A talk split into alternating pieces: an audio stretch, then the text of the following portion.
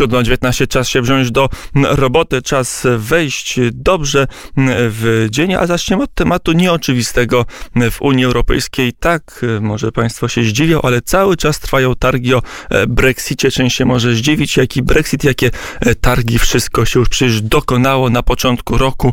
Otóż nie dokonało się i otóż Unia Europejska poza sporami o budżet, poza sporami o praworządność, poza kłopotami z pandemią ma jeszcze kłopot z wychodzeniem nieustającym Wielkiej Brytanii ze wspólnoty. Przy telefonie Magdalena Cedro, dziennikarka, dziennika Gazety Prawnej. Dzień dobry, panie redaktor. Dzień dobry. E, I co, dawnośmy o Brexicie nie rozmawiali, a on cały czas się narzuca i gdzieś tam spod tła e, ważnych i ważniejszych wydarzeń się wyłania. Trwają rozmowy. E, kiedyś, kilka dni temu Boris Johnson się zarzekał, że do dzisiaj właśnie Wielka Brytania już podpisze ostateczną umowę, jak mają wyglądać relacje między Unią Europejską a Wielką Brytanią. Zdaje się, że to był zbytni optymizm premiera Wielkiej Brytanii. E, od tego rzeczywiście ma się szczyt, e, rozpocząć e, dzisiaj szczyt, dwudniowy szczyt w Brukseli, w którym wezmą udział przywódcy 27 krajów, czyli bez Wielkiej Brytanii, ponieważ Wielka Brytania wyszła już z Unii Europejskiej oficjalnie, nie może brać udziału w podejmowaniu decyzji w Unii Europejskiej, ale de facto jest na takich samych zasadach w Unii Europejskiej jak każdy kraj do końca tego roku. I teraz negocjowana jest umowa e, handlowa, na jakich zasadach będzie odbywać się handel od 1 stycznia przyszłego roku. I te rozmowy nie idą najlepiej, na to narzekają unijni negocjatorzy. E, druga strona tak w odczuciu Brukseli druga strona nie bardzo chce rozmawiać. Jest, y, zresztą jest takie poczucie w Wielkiej Brytanii, że y, Londyn może odejść od, y, od tych, od stołu rozmów bez umowy. Rzeczywiście jest bardzo dużo do stracenia, jeżeli chodzi o handel, jeżeli chodzi o gospodarkę. Natomiast dla Wielkiej Brytanii kluczowy jest ten czynnik niepodległościowy.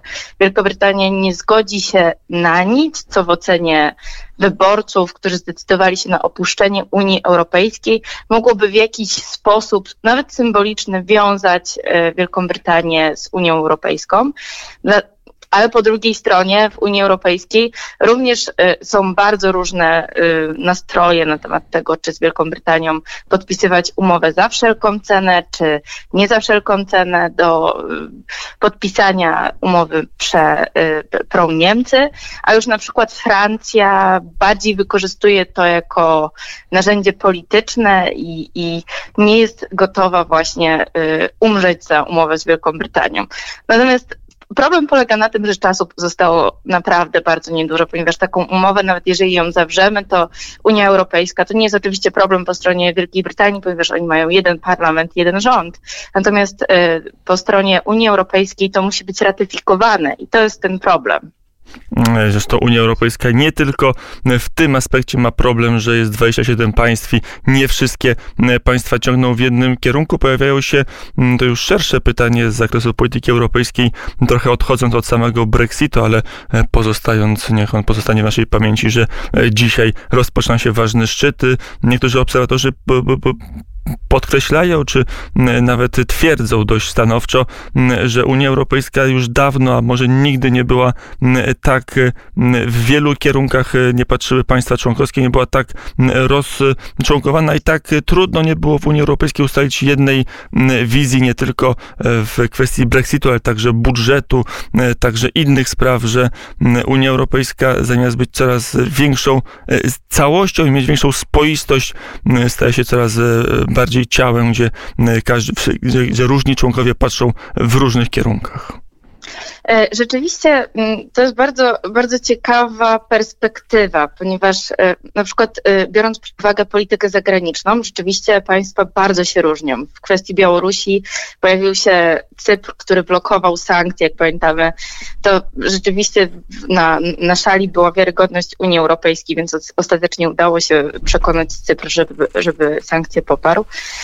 Tylko pytanie właśnie, czy w polityce zagranicznej dzisiaj Unia Europejska nie ma tak wielu problemów, z jakimi nie borykała się do tej pory w zasadzie nigdy, ponieważ na każdym kierunku, na każdej granicy jest pewien problem, który wymaga wspólnego rozwiązania. Jest Turcja, jest kwestia Rosji, otrucia y, Siergieja y, y, Aleksieja Nawalnego, jest kwestia Nord Streamu, kwestia Białorusi, więc jest bardzo dużo problemów i do tej pory nigdy Unia Europejska nie, nie musiała się, się mm, zastanawiać, co z tym zrobić, a rezultat musi być poparty przez wszystkie, przez wszystkie państwa. Oczywiście od tej zasady można odejść na rzecz wielkości kwalifikowanej, tylko, i to jest również stanowisko Polski i bardzo wielu innych państw, kraje członkowskie nie chcą podejmować decyzji w polityce zagranicznej z pominięciem jakiegoś kraju, ponieważ polityka zagraniczna ma być naprawdę wspólnotowa. I e, jeżeli chodzi o budżet, to rzeczywiście podziały są, e, no, jest clinch chyba bezprecedensowy w tych negocjacjach, ale też nigdy wcześniej budżet nie był tak bardzo wspólnotowy również i tak bardzo duży, ponieważ e, no, Komisja Europejska będzie dysponowała, jeżeli rzeczywiście te negocjacje mm, dojdą do, do, do, do zakończą się porozumieniem, to będzie tylko Komisja Europejska, ona właśnie będzie zarządzać tym, tym budżetem, to będzie 1,8 biliona łącznie e, euro środków no to jest, to jest budżet, którego do tej pory y, Unia nie miała, a to dzięki temu, że Unia zgodziła się na zaciągnięcie wspólnego długu. I to nie jest przedmiotem sporu, natomiast przedmiotem sporu jest, jak dobrze wiemy, mechanizm wiążący fundusze z y, praworządnością. I tutaj rzeczywiście y, spór jest bardzo duży i od tego sporu zależy zgoda na wszystko inne, czyli również na ten e, fundusz, na który zaciągamy wspólny dług, ale też na ten zwykły budżet siedmioletni. E, no i właśnie, teraz pytanie, co się wydarzy, a nadchodzące tygodnie będą kluczowe. Mm, obecny szczyt jest poświęcony, jak już powiedzieliśmy, Brexitowi, ale pewnie tematy związane z budżetem i z tą groźbą weta, które pojawiło się w Polsce.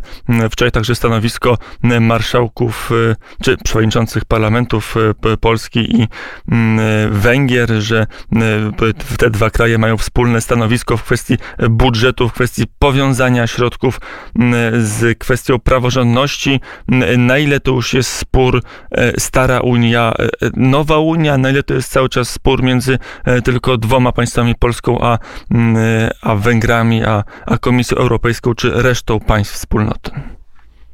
Rzeczywiście o wecie powiedział wicepremier Jarosław Kaczyński, natomiast to weto nie dotyczy Rady Europejskiej, to weto dotyczy to jest de facto zablokowanie procesu ratyfikacyjnego w e, parlamentach narodowych, ponieważ by zaciągnąć wspólny dług, e, Unia Europejska musi podnieść, podnieść pułap dochodów własnych. I tego dotyczy e, proces ratyfikacyjny w parlamencie, ale ponieważ wszyscy w Unii Europejskiej widzą ten pakiet budżetowy wspólnie z tym mechanizmem jako całość, to Polska i Węgry uznają, że ten proces ratyfikacyjny można wykorzystać do tego, żeby zablokować również mechanizm praworządnościowy.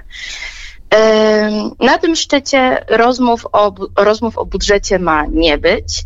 E, tak przynajmniej e, zarzekają się e, urzędnicy unijni, ponieważ teraz mechanizm praworządnościowy jest tak zwanych trilogach. Co to oznacza?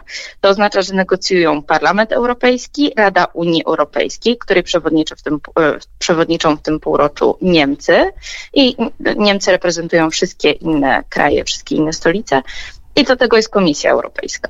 I oni negocjują nad ostatecznym kształtem, ale tu nie ma e, porozumienia. I żeby, żeby w skrócie opowiedzieć, na czym polega konflikt, ponieważ on jest dość mocno skomplikowany, ale są de facto trzy strony tego konfliktu. Jest Parlament Europejski, e, e, są kraje, tak zwane kraje oszczędne, które chcą bardzo silnego powiązania budżetu z praworządnością. I jest Polska i Węgry, które mówią nie, a mówią nie propozycji zaproponowanej przez Niemcy. I ta niemiecka propozycja dla parlamentu i tych krajów oszczędnych jest nie do przyjęcia ze względu na to, że jest zbyt miękka, zbyt rozwodniona, natomiast dla po Polski i Węgier jest nadal zbyt ostra. No i teraz jest ten klincz i pytanie, kto to, to, to w takim porównaniu niezbyt, niezbyt ładnym, ono się bardzo nie spodobało europosłom z obozu Zjednoczonej Prawicy. Mówiła wiceprzewodnicząca Parlamentu Europejskiego pani Barbie, mówiła o tym, o, o zagłodzeniu, czyli Chodzi o to, kto będzie bardziej głodny, kto pierwszy ustąpi, e, bo rzeczywiście ten clinch może, może trwać bardzo długo, natomiast wszystkim krajom zależy również na tym, żeby jak najszybciej e, uruchomić te pieniądze. No i właśnie pytanie o to, kto to już moje Pierwsze. ostatnie e, pytanie, kto pierwszy w ten e, e, Chicken Games, to po angielsku zdaje się nazywa, czyli kto pierwszy ustąpi albo zeskoczy z toru przed nadjeżdżającym pociągiem. Pociąg, jak rozumiem, przyjedzie 1 stycznia roku 2021, kiedy powinna się rozpocząć, przynajmniej formalnie, nowa perspektywa finansowa, a jeżeli nie, to wejdziemy w prowizorium. I ostatnie pytanie, jakie jest szanse, że to wszystko skończy się nieuchwaleniem budżetu, a nie nieuchwaleniem tego specjalnego specjalnego funduszu na odbudowę po e, koronakryzysie i po prostu wejdziemy z prowizorium budżetowym w następną perspektywę unijną. No, tego nikt nie wie. Pytanie, czy to jest, czy to jest strategia negocjacyjna i wszyscy na sam, na sam koniec y, dojdą do porozumienia w ostatnim, tym kluczowym momencie, czy, czy nie. Natomiast kto będzie największą ofiarą braku pieniędzy i nieprzyjęcie, nieprzyjęcia tego, zwłaszcza nowego funduszu odbudowy, to będą kraje południa, które pozostają zupełnie na marginesie tego sporu praworządnościowego. To są e, Hiszpania, Włochy, które, jak pamiętamy, na początku pandemii zostały najbardziej dotknięte przez y, koronawirusa. No i pytanie teraz, kto weźmie na siebie to odium wizerunkowe, wizerunkowe, że to przez niego nie uchwalono tych, tych dużych pieniędzy, czy są, czy są jakieś opóźnienia. No i zobaczymy, zobaczymy, że rzeczywiście chyba tego, tego na razie nikt nie wie, ale, ale yy, najbliższe tygodnie powinny e, e, pokazać w tej kwestii więcej. Mm, powiedziała Magdalena Cedro, dziennikarka Dziennika Gazety Prawnej. Dziękuję bardzo za rozmowę. Dziękuję. Mm, I to było nasze spojrzenie na Unię Europejską, która z niejednym kryzysem się mierzy, tak jak kryzys negocjacyjny dookoła e, stosunku handlowego między Unią Europejską a Wielką toczy się w tej chwili całkowicie w tle wydarzeń, chociażby e, tych związanych rzecz jasna z pandemią. Zresztą o pandemii koronawirusa za chwilę w poranku wnet powiemy co nieco, ale zanim to nastąpi, to może najpierw zagra zespół Van Halen.